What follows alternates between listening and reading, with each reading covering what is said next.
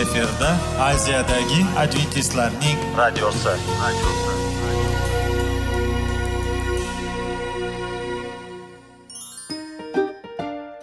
assalomu alaykum radio tinglovchimiz dasturimizga xush kelibsiz va bizni tinglayotganingizga sizdan judayam minnatdormiz bugungi bizning dasturimizning nomi sog'liq daqiqasi deb ataladi va biz sizlarga bu dasturda mevalarning foydasi haqida so'zlab bermoqchimiz ya'ni uning tarkibi uning tarixini va foydali xususiyatlari haqida. Aziz do'stlar mevani iste'mol qilish kerak ekan va biz boshladik ketdik. Sog'liq daqiqasi soliqning kaliti qiziqarli ma'lumotlar faktlar. Har kuni siz uchun foydali maslahatlar. Sog'liq daqiqasi rubrikasi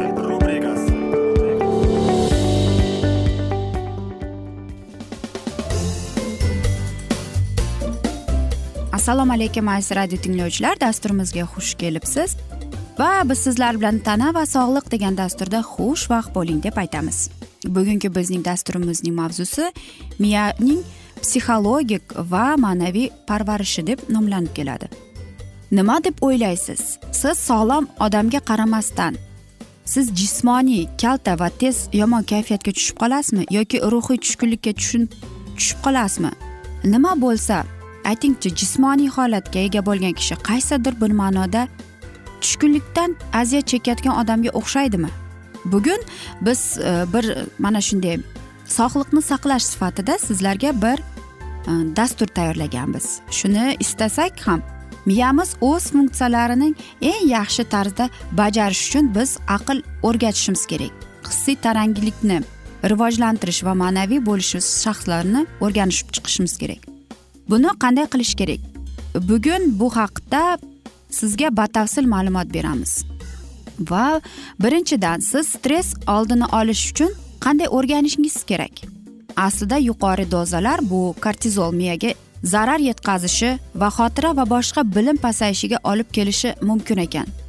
Kortizol buyrak ustidagi bezlari tomonidan ishlab chiqarilgan gormon uning ichida bo'lgan konsentratsiyasi uzoq muddatli stress sharoitida ortadi. Stress oldini olish uchun miya uchun xavfli tinch va osoyishta yashash tavsiya etiladi. Agar aytaylik biz kompyuterga noto'g'ri ma'lumotlarni qo'yish bo'lsa u noto'g'ri natija beradi to'g'rimi? Faqat mm, bu tamoyil nafaqat kompyuterga tegishli. Agar hislar orqali miyaga foydali deb hisoblash mumkin bo'lmagan ma'lumotlar mavjud bo'lsa va buning natijasi albatta salbiy bo'lib keladi.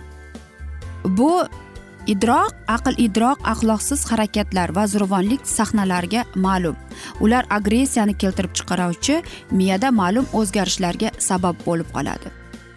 Boshqasi bilan ko'zlarimiz ijobiy tasvirlarga qaratilgan partiyalar va biz vaqt o'tkazamiz chiroyli narsalarni o'ylab neyronlarning ishi yaxshilanishini va onga yetadigan yangi balandlikni. Bu organlar orqali kelayotgan axborot miyaga ta'sir nazorat qilishi oson emas.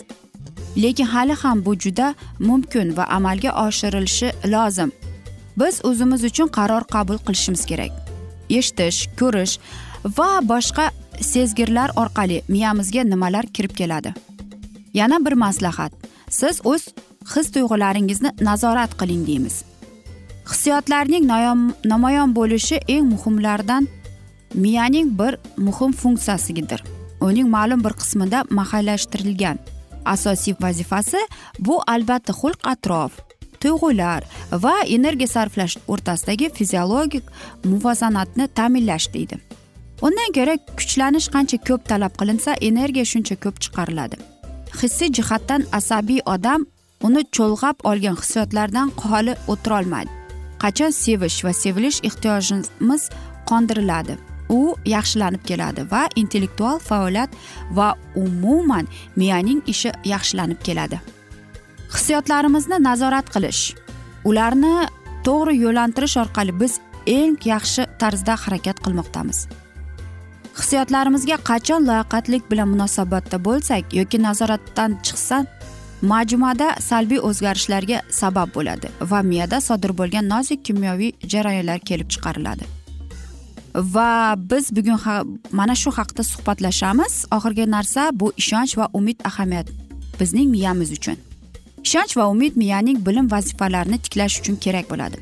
Ilm fan imon va umid noma'lum tarzda miya vazifasini yaxshilab va uni sog'lantiruvchiga ta'sir qiladi.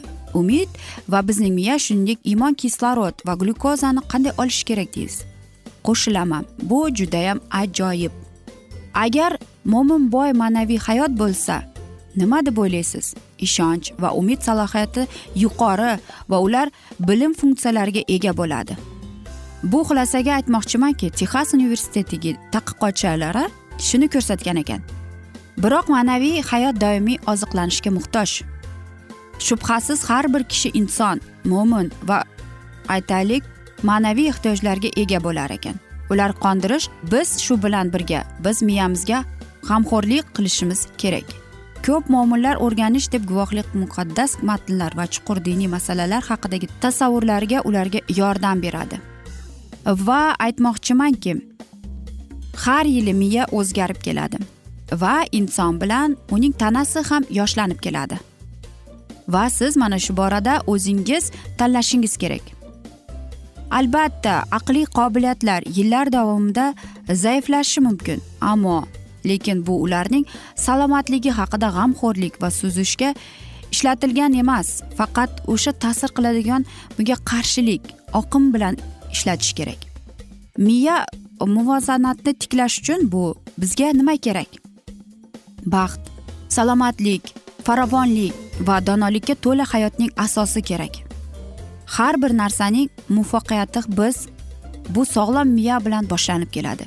Shuning uchun unga g'amxo'rlik qilaylik. Hamma narsani o'z navbatida qilaylik.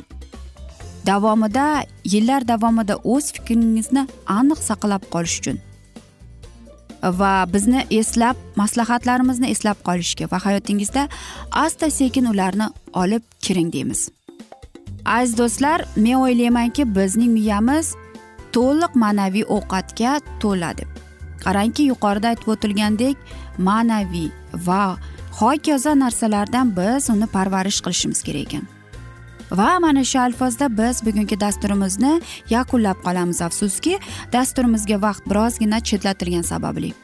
Lekin men umid qilamanki siz bizlarni tark etmaysiz chunki oldinda bundanda qiziq va foydali dasturlar sizlarni kutib kelmoqdalar.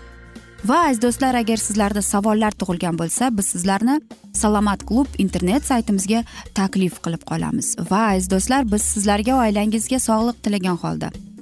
Va sizlar bilan uzoq vaqtda ko'rishguncha xayr deymiz.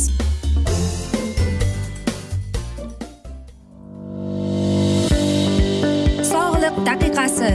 Soliqning kaliti. Qiziqarli ma'lumotlar faktlar. Har kuni siz uchun foydali maslahatlar. Sog'liq daqiqasi rubrikasi.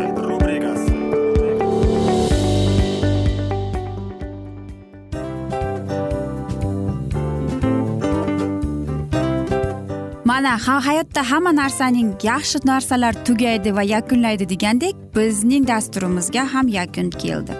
O'ylaymanki bizning dasturimiz sizga foydali bo'ldi deb aziz radio tinglovchimiz va siz o'zingiz uchun kerakli xulosalar kerakli maslahatlar olib oldingiz.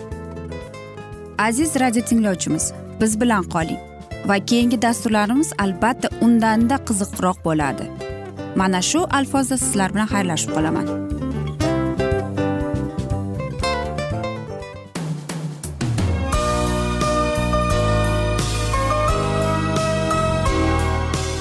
Efirda aziyadagi adventistlarning radiosi.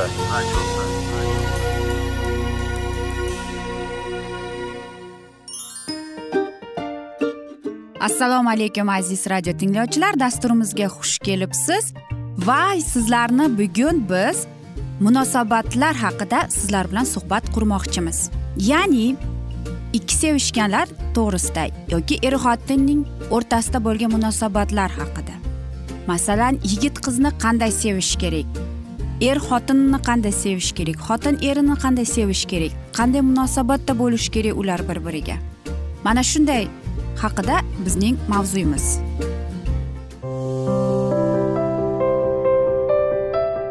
Har kuni har xil kasbdagi odamlar bilan sirlashish va bo'lishish sevgi rashq munosabat bularni hammasi izhori rubrikasida.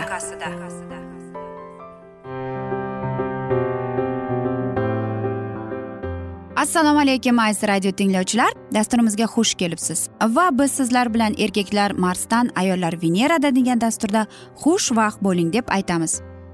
Albatta mana shunday dasturlar sizlarga va mamnun bo'ladi va foydali bo'ladi deb aytamiz. Chunki biz erkak va ayollar bir birimizni tushunmaymiz. Qanday qilib biz umuman olib qaraganda o'zaro munosabatlarimizni yaxshilash va bizning bugungi dasturimizning mavzusi qanday qilib erkak bilan gaplashish kerak deb nomlanadi. Albatta bu judayam qiziq va o'ylaymanki aziz ayollarimiz tinglaydi. Chunki agar sizning erkagingiz sizdan birozgina uzoqlashishga tayyorgarlik ko'rayotgan bo'lsa biz sizlarga birozgina maslahat berib o'tmoqchimiz. Ya'ni shunday bo'lsa siz uni birozgina qo'yib yuboring. Va qarab turasizki bir muncha vaqtdan keyin u albatta qaytib keladi. Sizni qaytib yanada undanda kuchliroq sevib sizni qo'llab quvvatlaydigan inson bo'lib va albatta keyinchalik xuddi siz xohlagandek hech narsa bo'lmagandek o'zini tutadi. Keling. Sizlarga birozgina vaqtlarni ko'rsatamiz. Qachon u bilan suhbat qilsangiz bo'ladi? Va axir bu aytaylik oltin vaqt. Erkak kishi qachonki yaqinlikni his qilsa va u mana shu suhbatga tayyorligini va albatta keling. Mana shularning sabablarini sizlarga o'qib eshittiramiz. Birinchisi ayol kishi qo'rqadi u bilan suhbat qurishga. Nima uchun? Chunki u biror bir marta shunday qildi va uning turmush o'rtog'i uning sevgilisi albatta uzoqlashib qoldi. Endi ayol kishi o'ylaydiki mening turmush o'rtog'im men bilan umuman qiziqmaydi befarq menga deb. Ikkinchisi esa ayol kishi qo'rqadi. Mening jufti halolim yoki mening sevgilim haligador mendan xafa deb va kutyapti. Qachonki u mening hislarim bilan e, gaplashadi yoki men bilan. U biladi agar u shunday bo'lib qolganda va agar mana shu ayol men bundan uzoqlashganimda qanday bo'ladi deb yo'q aziz do'stlar.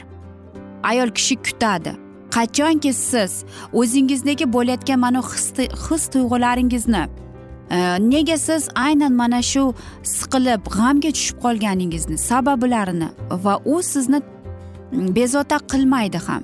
Uchinchisi esa ayol kishi judayam o'zining turmush o'rtog'iga sevgilisiga uni qiynayotgan narsalarni aytaylik u bilan bo'lishgisi keladi va u bilmaydi qanday qilib suhbatni boshlashni. Chunki u ko'ryapti uning turmush o'rtog'i sevgilisi u bilan umuman suhbat qurgisi kelmayapti. Va mana shu narsalar albatta yolg'on. Chunki erkak kishi mm, qanchalik uzoq bo'lmasin u sizni tinglashga tayyor bo'ladi. Chunki erkak kishi ham sezadi. Albatta ko'plab masalalar bor qanday qilib erkak kishi bilan gaplashish kerak yoki qanday qilib erkak kishini gaplashishga majbur qilish kerak degan savollar keladi. Albatta ayol kishi qachondir mana birov bilan suhbat qurgisi keladi. Ammo lekin uning turmush o'rtog'i indamay tursa u bilmaydi qanday qilib suhbatni boshlashni aytaylik u mana shu suhbat boshlanishidan oldin ayol kishi o'zi boshlashi kerak va mana shu alfozda u o'zining turmush o'rtog'iga shunday bir imkoniyat beradi va u mana shu uning minnatdorligini sezib e, va uning e'tiborligini olib oxir oqibat siz bilan suhbat quradi aziz ayollar. Balkim erkak kishi ham qarshi emasdir balkim u ham siz bilan suhbatlashgisi kelyapti ammo lekin u o'zini yo'qotib qo'ygan. U bilmayapti sizga nima deyishini. Shuning uchun aziz ayollar biz marsianliklar haqida bilmaymiz. Nima bilishimiz kerak? Qarangki ular uchun biz birinchi bo'lib gaplashishimiz uchun sabab bo'lishi kerak ekan. Erkaklarimiz qarangki aziz ayollar hech qachon sabab suhbatni o'zidan o'zi boshlashmasdi ekan. Biz ayollar esa boshqachamiz.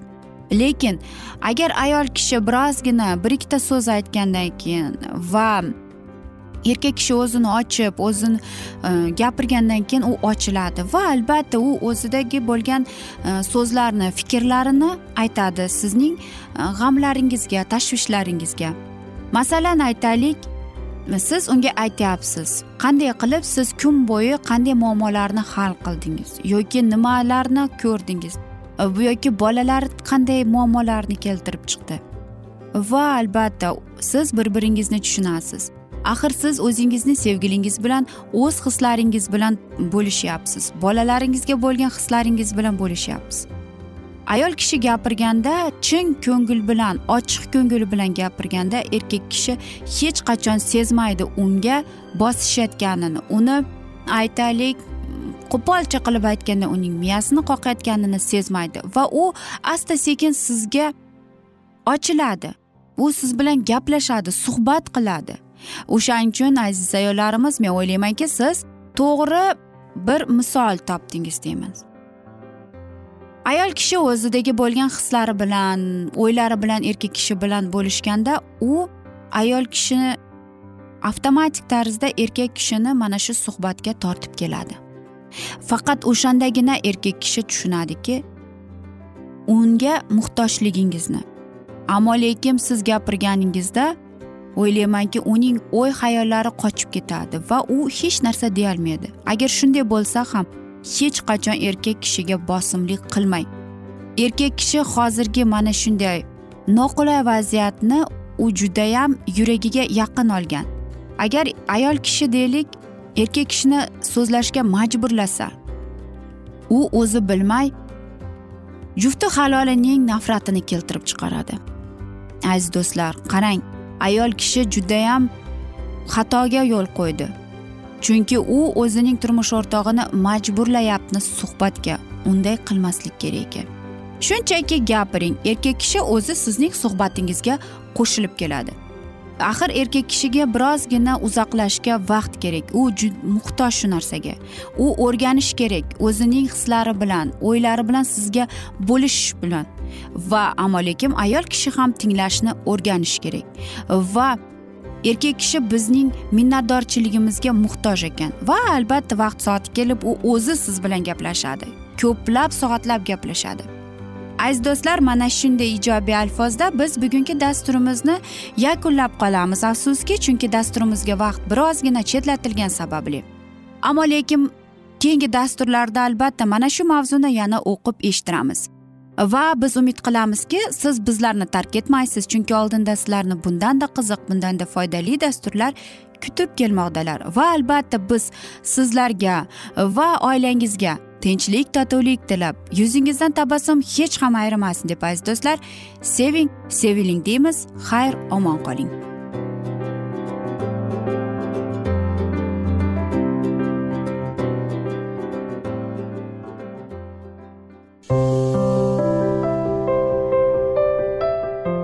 Kuni har xil kasbdagi odamlar bilan sirlashish va bo'lishish sevgi rashq munosabat bularni hammasi dil izhori rubrikasida.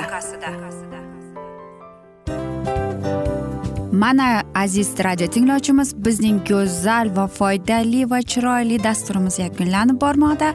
Sizlarga birozgina maslahat berib o'tmoqchi edik. Bir biringizni seving. Qadringizga yeting. Va erkalang albatta bir biringizni va sizga judayam chiroyli va mustahkam munosabatlar tilab qolamiz albatta. Sevgilingiz doimo yoningizda bo'lsin. Mana shu borada sizlar bilan xayrlashib qolamiz. Xayr.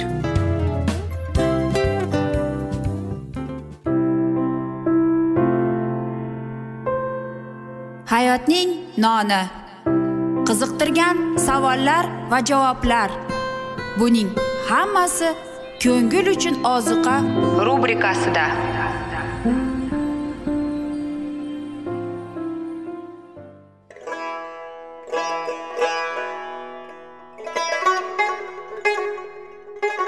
Assalomu alaykum aziz va qadrdon radio tinglovchimiz. Dasturimizga xush kelibsiz. Bizni tanlaganingizga sizdan minnatdormiz. Va keyingi bizning E, mavzuyimiz diniy masalasiga kelib chiqadi.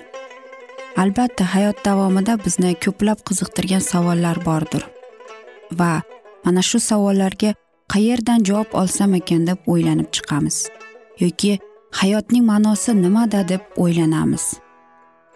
Mana shunday dasturlar o'ylaymanki siz sizga foyda bo'ladi deb. Aziz do'stlar e, bugungi bizning mavzuyimizning nomi vahiy kitobning ochilishi. Ya'ni bu muqaddas kitobda shunday deb yozilgan. Vahiy kitobning bizga bo'lgan buyuk sovg'asi deb. Albatta mana shunday kitobni eshitib quloq solib e'tiborli bo'lsak biz o'zimizning qiziqtirgan hayotning ma'nosini tushuntirgan bizni kelajakda nima kutayotganini mana shu kitobdan bilib olamiz albatta. Va xudoyim bizga qanday rejalar ochgan bizga qanday kelajak kutayotganini aynan mana shu kitobda yozilgan va bizga mana shu kitob orqali xudoyim bizga aytib bergan. Keling aziz do'stlar mana shu kitobni e'tiborli va yaxshilab quloq solib va chuqurroq nazar solaylik shu muqaddas kitobga. Assalomu alaykum aziz radio tinglovchilar dasturimizga xush kelibsiz. Va biz sizlar bilan ulug' kurash degan kitobni o'qib eshittirishni boshlagan edik. Va bizning bugungi dasturimizning mavzusi fransiyada uyg'onish deb nomlanadi. Germaniyada islohot g'alabasini anglayotgan sheperdagi norozilik va augsburgda dinini qabul qilishdan so'ng kurash va zulmat yillar keldi. Izdoshlar o'rtasidagi janjallardan va qudratli dushmanlar tomonidan hujumlarga uchrashishdan zaiflashgan protestantizm go'yo oxirgi kunlarini yashayotganda edi. Minglab odamlar haqiqatning ishonchligini qon bilan muhrladilar fuqarolar urush avj olib keldi. Protestantlik harakati uni rahbarlaridan biri qo'liga o'tdi. Asl zolda protestanchi knyazlar imperatorning qo'liga tushdi. Ular xuddi asrlarday bir shahardan ikkinchisiga o'tkazilaverdi. Ammo o'zining tasavvuridagi g'alabadan keyin imperator mag'lubiyatga uchratdi. Ko'rdiki o'ljani u qo'lida ushlab qololmadi. Oxiri u yo'qotilishi bilan kerak bo'lgan ta'limotni o'zining sabr bardoshini e'lon qilishga majbur bo'ldi. Bu ish imperatorning hayoti mazmuniga aylandi. Bu chin dildan o'z imperiyasini barbod qildi xazinani bo'shatdi bidatlarga barham berish uchun hayotini tikdi. Endi imperator shuni bildiki uning armiyasi qonli urushlarda parchalanib ketgan mablag' tamom bo'lgan. Uning ko'p mulkiga qo'zg'olonlar xavf solib turibdi. Ayni paytda bekordan bekorga bug'ishga harakat qilgan iymon yanada kengroq yoyilib bormoqda. Karl beshinchi bor kuchi bilan kurash olib bordi. Xudo yorug'lik bo'lsin deb aytdi. Ammo zulmat tarqalib ketishi imperator istamadi. Uning rejalari barbod bo'ldi. Uzoq vaqt olib borilgan kurashlardan azob chekkan imperator vaqtidan oldini keksayib taxtdan voz kechdi va qolgan umrini monastirda o'tkazdi. Shvetsariyada ham xuddi germaniyadagi kabi islohot boshiga qora kunlar keldi. Bu paytda ko'p viloyatlar islohotchilar imonni qabul qildi. Boshqalari ko'r ko'rona rimga ishonishda davom etdi. Haqiqatni saqlab qolishni istaganlarni ta'qib qilish oxir oqibatda fuqarolar urushiga aylanib o'tdi. Svingli va uning ko'plab tarafdorlari kapella yaqinidagi qonli urushda halok bo'ldilar. Bu dahshatli kulfatlardan qattiq qo'rqib ketgan ekolampus ko'p vaqt o'tmay vafot etdi.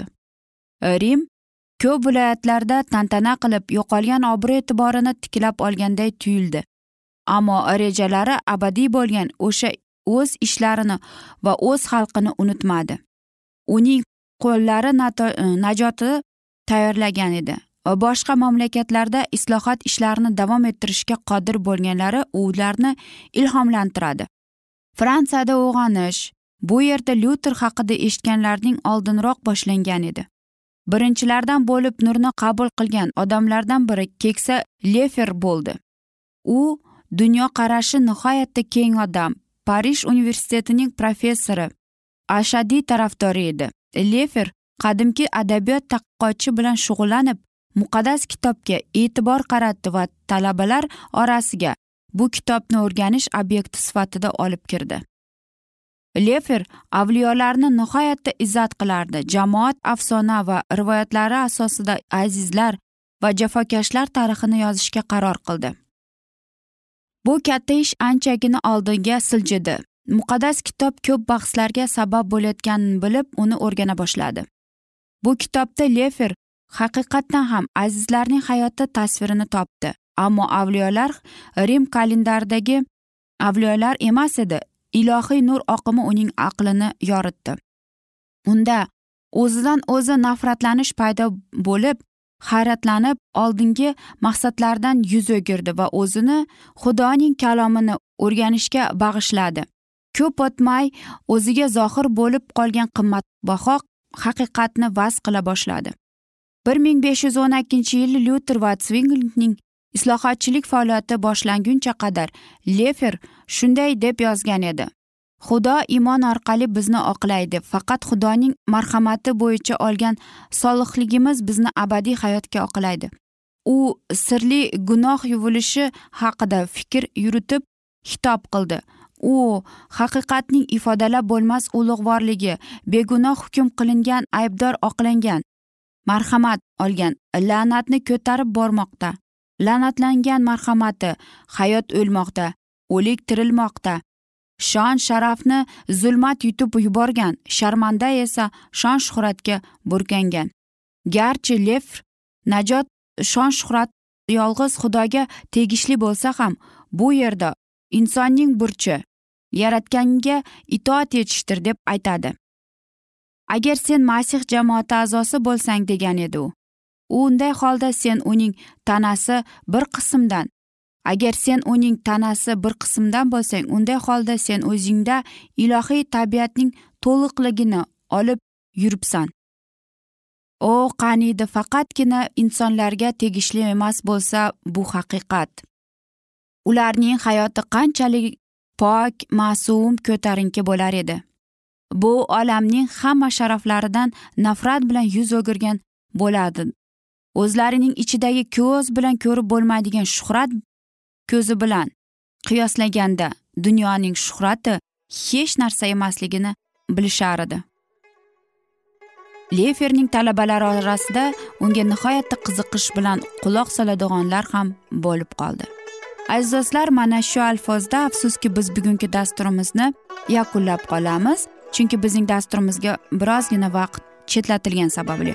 Ammo lekin sizlarda savollar tug'ilgan bo'lsa biz sizlarni alkitab media internet saytimizga taklif qilib qolamiz.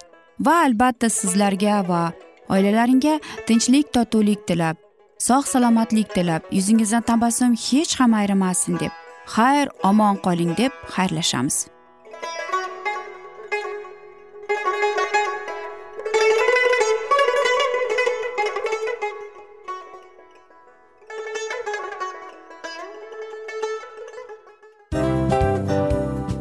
Narsaning yakuni bo'ladi degandek afsuski bizning ham dasturlarimiz yakunlanib qolyapti. Va biz o'ylaymizki bizning dasturimizdan o'zingiz uchun kerakli va foydali maslahatlar olib oldingiz. Sog'liq borasida sizga foydali maslahat berganmiz deb umid qilaman albatta. Va sizlarga mana shu borada sog'liq tilab qolaman. Munosabatlarga kelganda esa sizlarga sevgi omad va albatta yaxshi munosabatlar tilab qolamiz. Uchinchisiga kelganda esa bu juda chuqur va e'tiborli nazarni qumsaydi. Va sizlarga mana shu yaxshilik kayfiyatda sizni kayfiyatingizni ko'targan holda sizlar bilan xayrlashib qolaman afsuski. Ammo lekin keyingi dasturlarimiz undanda qiziq bo'ladi. Va siz biz bilan bo'ling. Bizni tanlaganingiz uchun sizlarga rahmat. Omad sizlarga. Xayr.